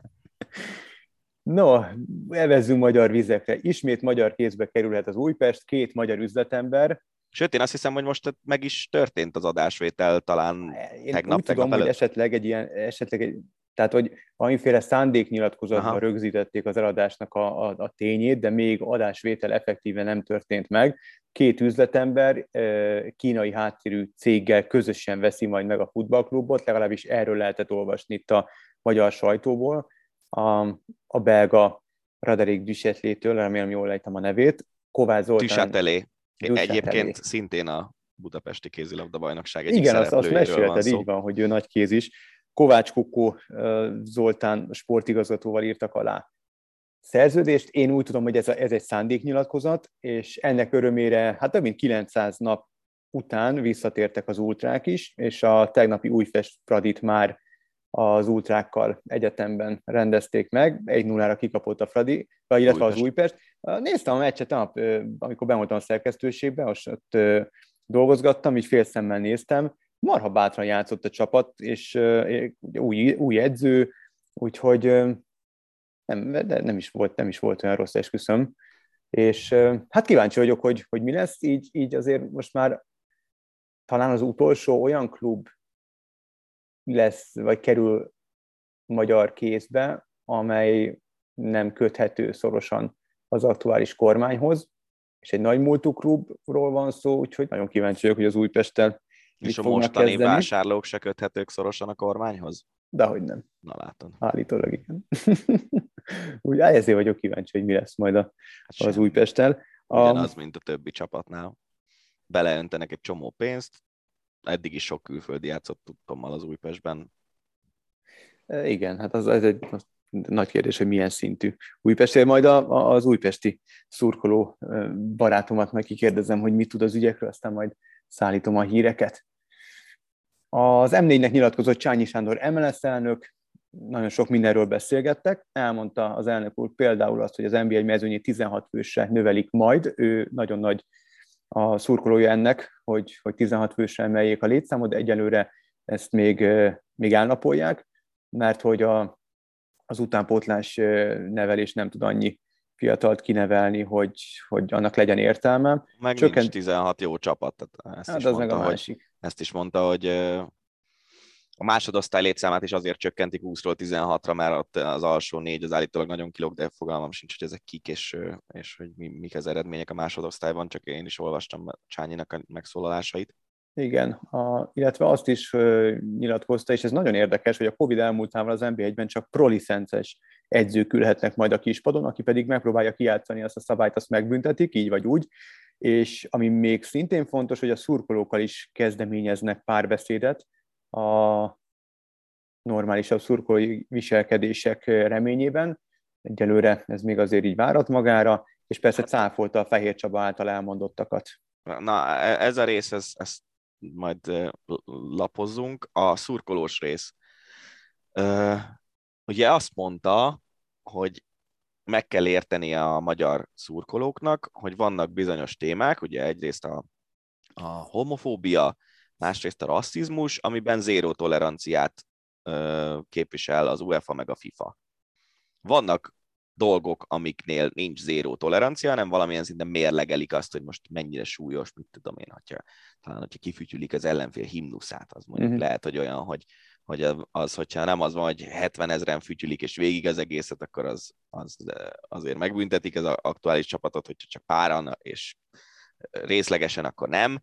De hogy a homofóbia meg a rasszizmus az olyan, hogy ott a legapróbb dologért is büntetnek. És ezt mondta Csányi, és szerintem tök igaza van, hogy egy nagyon-nagyon pici kisebbség az, ami tönkreteszi a többi szórakozását, és az ultrák közül is a legtöbben képesek voltak feldolgozni ezt, hogy igen, hogyha most elkezdünk buzizni, vagy, vagy nem tudom, huhogni a, a fekete játékosoknak, akkor a következő meccseink közül egy párra nem mehetünk ki. Márpedig az ultráknak szerintem ez az egyik legjobb szórakozás az életükben valószínűleg, hogy ők meccsre járhatnak. És, és ezt mondta Csányi, hogy tényleg egy nagyon-nagyon pici kisebbség az, ami még nem volt képes megérteni azt, hogy, hogy ez zéró tolerancia, és zárt kapus meccsek lesznek, hogyha ezt nem hagyják abba. Kíváncsi vagyok, hogy mi lesz ebből.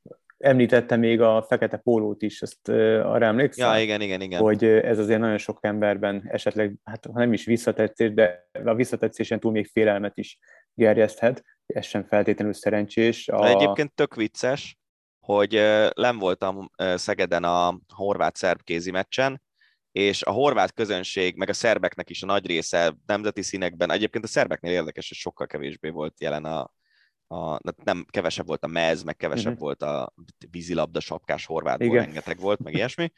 Az ilyen szurkolói kellékek kevésbé voltak jelen, viszont a horvátoknál volt egy csoport, egy ilyen 30-50 fő, akik fekete póló, kopasz, egy idő után félmeztelenre vetköztek, egy lépcsőnek az alját foglalták el, és lehetett látni, hogy ők valószínűleg ők a foci szurkolók, akik erre a, azért jöttek, hogy balhézzanak, és, és a szerbeket szídják, és nem azért, hogy, hogy átadják magukat a játék a labdát, igen.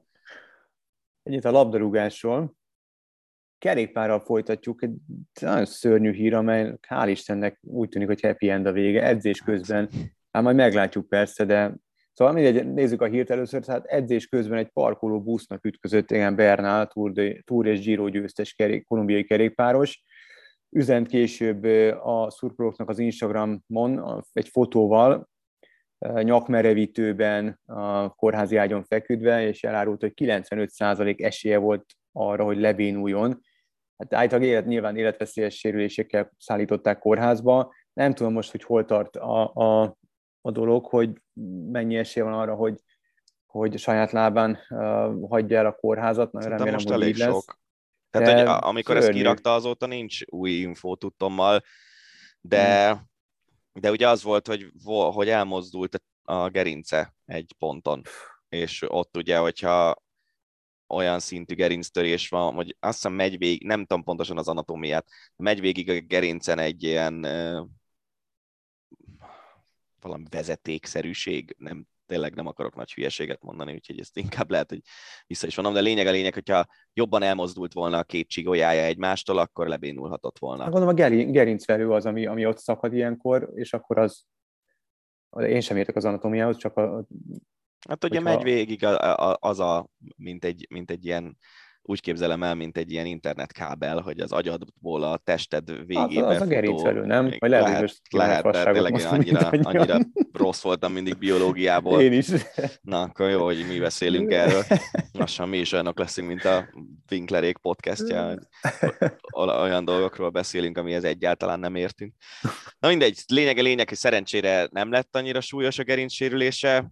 Ugye ilyen, ami a kerékpáros karrierjét jelentősen veszélyezteti, az a combcsontörés, mert a, a, az az a sérülés, amiből a bringások elég ritkán tudnak olyan szintre visszaépülni, vagy felépülni, eh, ahol voltak előtte. Ugye Frumnak is a combcsontja tört el a három évvel ezelőtti balesetében, és azóta esélytelen, eh, nagyon-nagyon messze van attól a szinttől, ahol előtte volt, de attól a szinttől is messze van, hogy mondjuk, ha ő nem Chris Froome lenne, akkor már nem lenne a mezőny tagja uh-huh.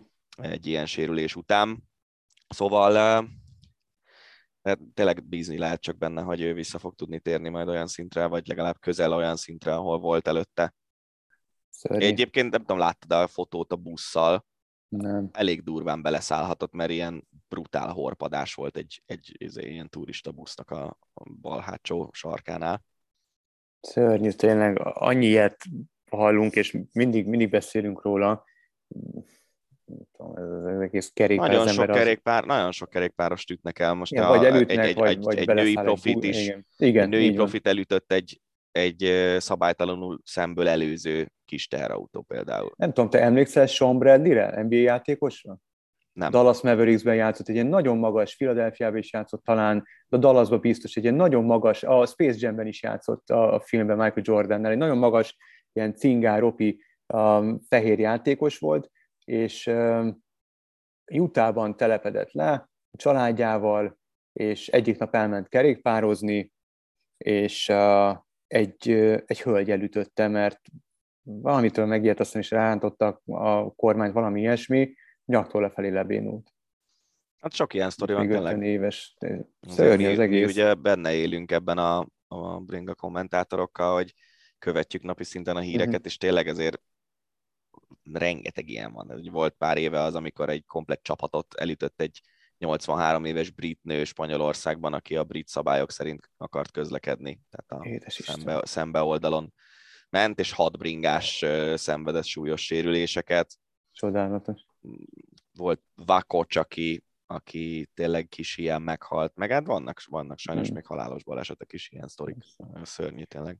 Egy picit örömtelibb kiír, de még mindig kerékpár. Vas Blanka 17. helyen zárt a ciklokrosz világbajnokságon, és hát nem lennék mostanában Vas Blanka helyében, olyan, olyan, nagyon nehéz lehet, és ilyen fiatalon én nagyon remélem, hogy segít neki valaki feldolgozni ezeket a, a, a, a sztár státusszal járó lelki nehézségeket, mert, mert ugye itt, itt hétről hétre az van, hogy a világkupa állomásain tényleg vagy dobogon, vagy dobogó közelében végez, ugye az olimpián volt negyedik, tehát hogy így most pillanat alatt nagyot-nagyot fordult vele a világ, és nem tudom, hogy ez a 17. hely, ez, ez most egy, ő hogy éli meg, kettő, az irányában megy-e bármiféle szemrehányás, remélem nem, de ezt majd te elmondod, és hogy, hogy egyáltalán igen, igazából ez a lényeg, hogy, hogy ez hogy, hogy, hogy élte meg, hogy ő jobbra számított, kevésbé Mindenki jobbra jóra. számított.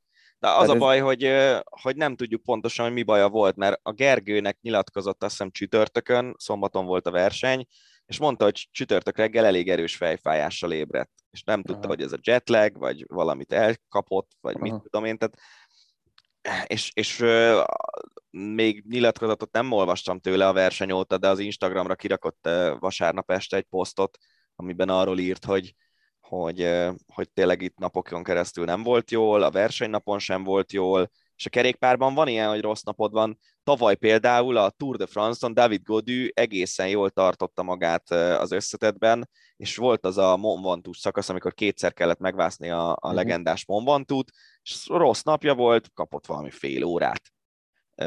Tehát, hogy ilyen van, olyanok előzték meg a Blankát most a VB versenyen, akiket minden világkupán simán megvert. Aha. Én azt hiszem egyébként, hogy a, a, a bronzérem lett volna talán a maximum, ami benne volt ebben a versenyben, mert Brand és Foss iszonyú nagy fölénnyel versenyzett, szerintem körülbelül egy perccel verték meg a harmadikat.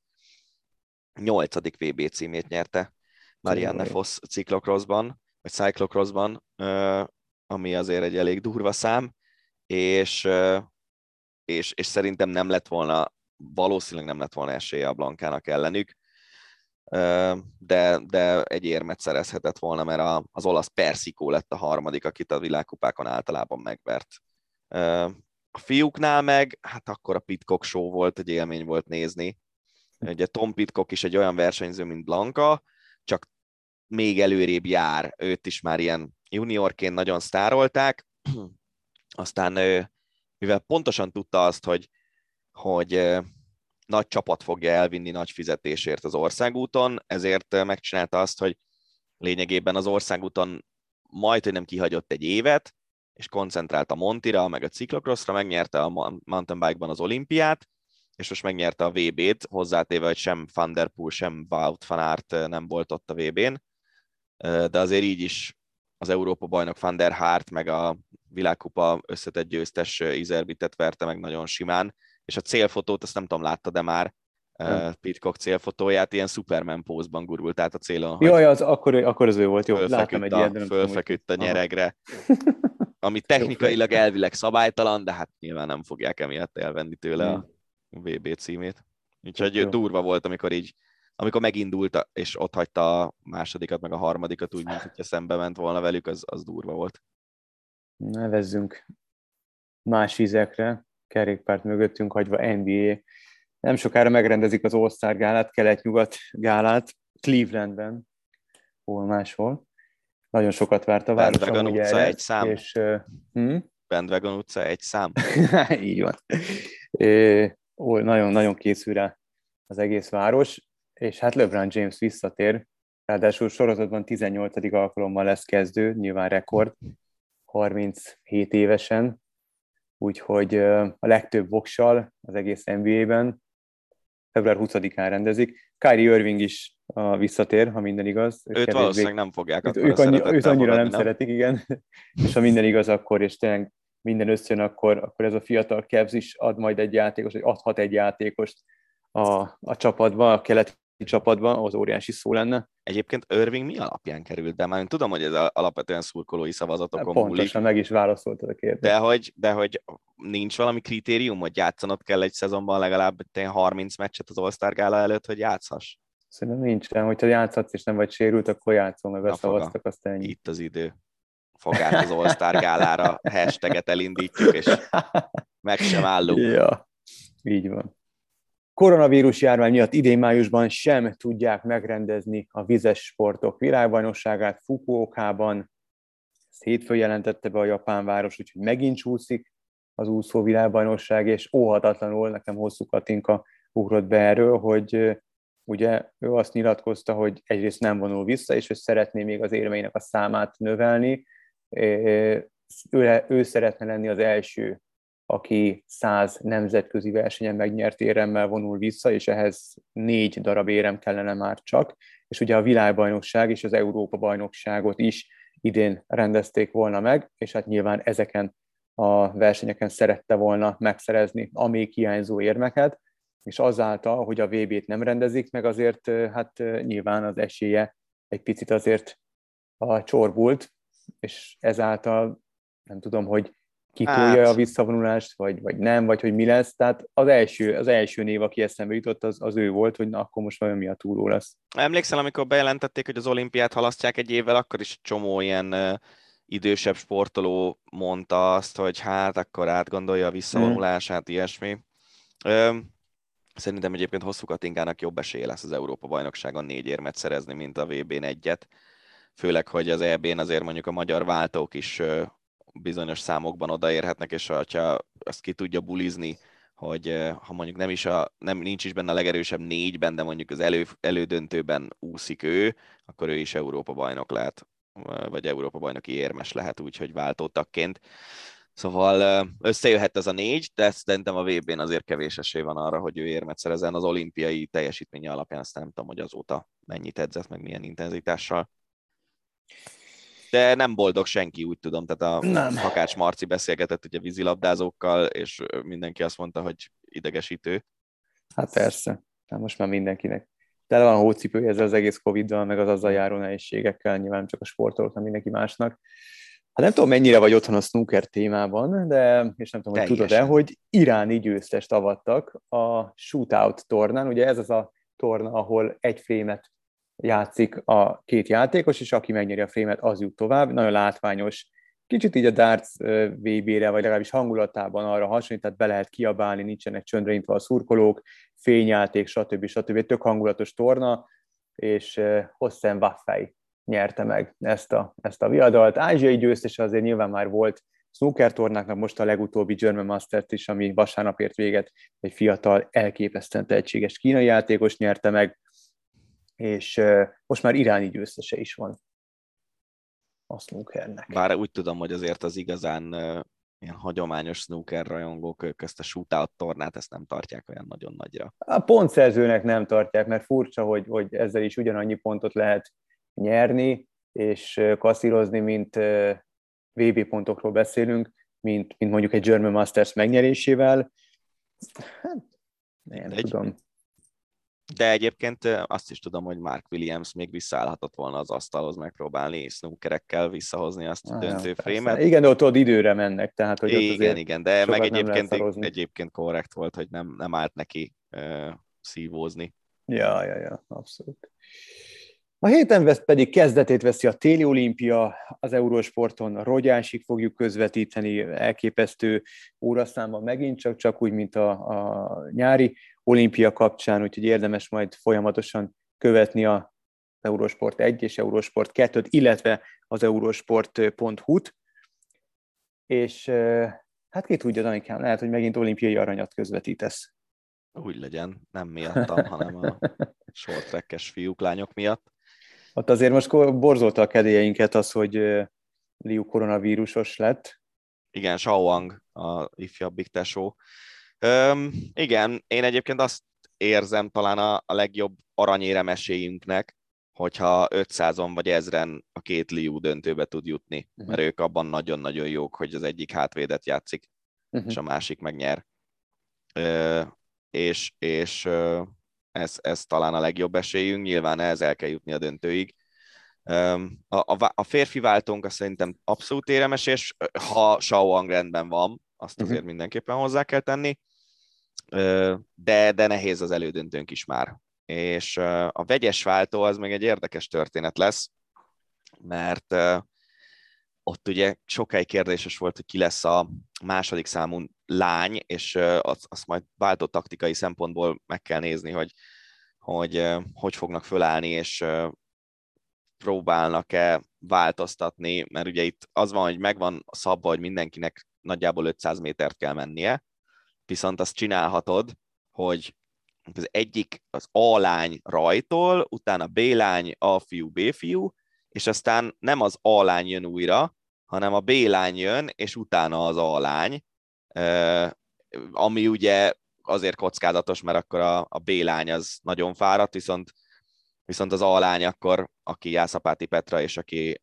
ilyen szintű versenyeken azért nagyon jó embernek számít, ő, ő valószínűleg jobb pozícióban tudja átadni a tényleg top-top két fiúnak a, a váltót. Úgyhogy ez érdekes lesz, ez lesz egyébként szombaton, ha jól emlékszem a programra. Nekem az a vicces, hogy teljesen tehát itt van a nyakunkon a téli olimpia, de annyi minden volt az elmúlt időszakban, hogy, hogy még egyáltalán így az agyamat rá kell állítanom arra, hogy téli olimpia jön, ö, teljesen más időzónában, úgyhogy ez egy Fú, érdekes megint, igen. lesz ilyen szempontból nekünk. Igen, és mennyire másabb lesz, hogy nyáron a 30 fokban kellett mondjuk éjjel kettőre ja. bemenni, vagy egyáltalán fölkelni és, és elindulni, most meg itt a mínuszokban, sötétben abszolút más hangulata lesz nyilván ennek az egésznek, de biztos, hogy óriási buli lesz megint, csak úgy, mint a nyári volt. Úgyhogy még egyszer Eurosport 1, Eurosport 2 és a Rógyásik téli olimpia most az elkövetkezendő két hétben. Na és akkor két hírünk van még, vagy két téma van még, amit igazából szeretnénk kibeszélni. A kézilabda Európa bajnokság, ez Dani a többé-kevésbé végigizgult a helyszínről, és egy svéd győzelem született, és mindenki a kapus teljesítményt emeli ki, meg, meg mint hogyha ez lett volna talán a legérdekesebb része ennek a finálénak, úgyhogy át is adom a szót. Valóban ez volt? Tehát itt, itt tényleg a kapusról kell beszélni? Hát egy picivel jobban védett Palika, mint a spanyol kapusok, pedig elvileg ugye a spanyol kapusok nagyon jók, és tök érdekes, hogy megcsinálta azt a spanyol edző, hogy az elődöntőben egészen kiemelkedően játszó Perez de Vargas helyett a Veszprémi korrá lesz kezdett a kapuban a, a döntőben, és ő játszott egész sokáig. Neki is voltak szép védései, meg voltak zicservédései is. Az az Andreas Palika, a svédek kapusa, aki ilyen személyes okokra hivatkozva visszaigazolt decemberben Svédországba, és most ezt a tavaszi szezont, ezt a tinikori klubjában fogja végigjátszani, ahol az lesz a cél, hogy bent tartsa a svéd első osztályban a klubot. És Palika nagyon jól védett a döntőben, de azért nem volt ez egy olyan ilyen lehúzom a rolót és, és 50%-os kapus teljesítmény, tehát nem annyira ezen múlott szerintem. Én azt kezdtem el figyelni, mert hogy a spanyolok az elődöntőben is már nagyon sokat játszottak úgy, hogy hármat akartak cserélni támadásból védekezésbe, ami a modern kézilabdában ilyen elképzelhetetlen szinte. Ott nyilván megvan a prioritás, hogy a három cserek közül ki a legfontosabb védekező játékos, neki kell először bemennie, aztán a második, aztán a harmadik. Bocsánat. De nagyon sokszor az van, hogy háromból csak egyet vagy kettőt tudsz becserélni. Aztán egy idő után, amikor már Kanyájászben volt a pályán támadásban, akkor már csak kettőt akartak cserélni. És az első fél időben, amikor két cserét megcsináltak a spanyolok, legalább, akkor 50% alatt volt a svédeknek a támadási hatékonysága jóval. A, amikor nem tudták megcsinálni a cseréiket, akkor viszont azt hiszem egy elrontott támadása volt a svéd csapatnak, 8-ból 7.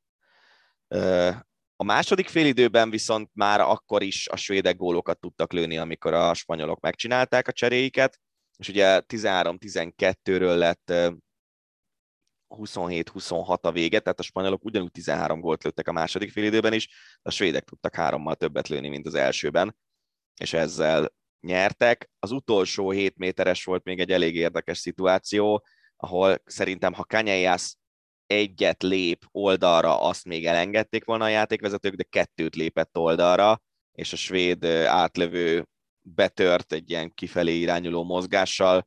Nem tudom, hogy ha a Kanyajász csak egyet lép, akkor az mekkora helyzet lett volna Lagergrennek, a, a svéd átlövőnek, de, de így hetes lett, és Ekberg meg belőtte, aki az egész meccsen nem játszott, most ért vissza azt hiszem Covid-ból, és annyit játszott az egész meccsen, hogy másfél percet volt a pályán, amíg 5-7 méteresből négyet belőtt, és az ötödik is olyan volt, hogy a kezébe ment a kipattanó, és a kipattanót belőtte. Tehát gyakorlatilag, gyakorlatilag öt gólt lőtt úgy, hogy másfél percet volt a pályán. Köztük a győztes gólt. szép. Szép. Ja. Egy hírünk maradt, a Magyar Olimpiai Bizottsággal kapcsolatos. Ahogy azt várni lehetett, Gyulai Zsolt lett a MOB új elnöke, Szó kétszeres olimpiai bajnok kajakosa, aki amúgy a Hungaroring VRT vezérigazgatója, a hírek szerint társadalmi munkába szeretné végezni a MOB elnöki tisztséget, és maradna a ring élén. Gratulálunk neki, és remélhetőleg ugyan olyan jó elnöke lesz a mobnak, mint amennyire jó kajakos volt annak idején.